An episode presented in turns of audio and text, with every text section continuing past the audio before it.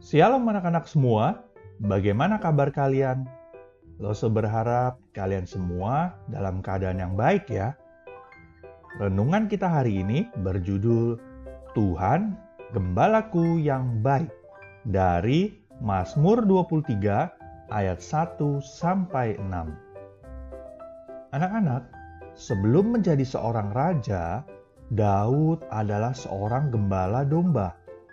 Ia menggembalakan domba orang tuanya.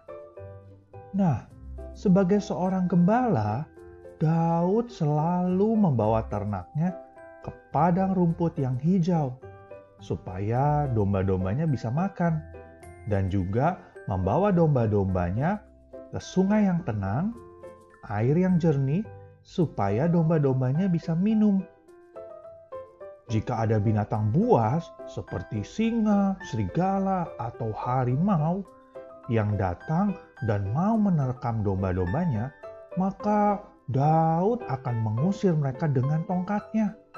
Daud menjaga ternaknya dengan baik. Daud melindungi domba-dombanya dari bahaya. Saat domba-dombanya sakit, Daud akan mengobati supaya dombanya bisa sembuh. Daud mengarahkan domba-dombanya supaya domba-dombanya tidak salah jalan. Itu yang dilakukan oleh Daud. Nah, kita juga punya seorang gembala loh. Ya, Tuhan adalah gembala kita yang baik.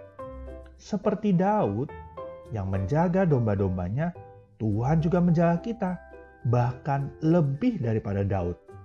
Kalau Daud hanya menjaga di waktu-waktu tertentu, tidak bisa selama 24 jam.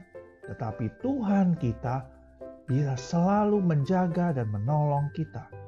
Dia menjaga, melindungi, memberkati, dan mencukupi semua kebutuhan kita. Jika kita merasa sedih, kita bisa datang kepada gembala kita di dalam doa ia akan menghibur kita. Jika kita sakit, kita dapat berdoa dan Tuhan akan menolong kita.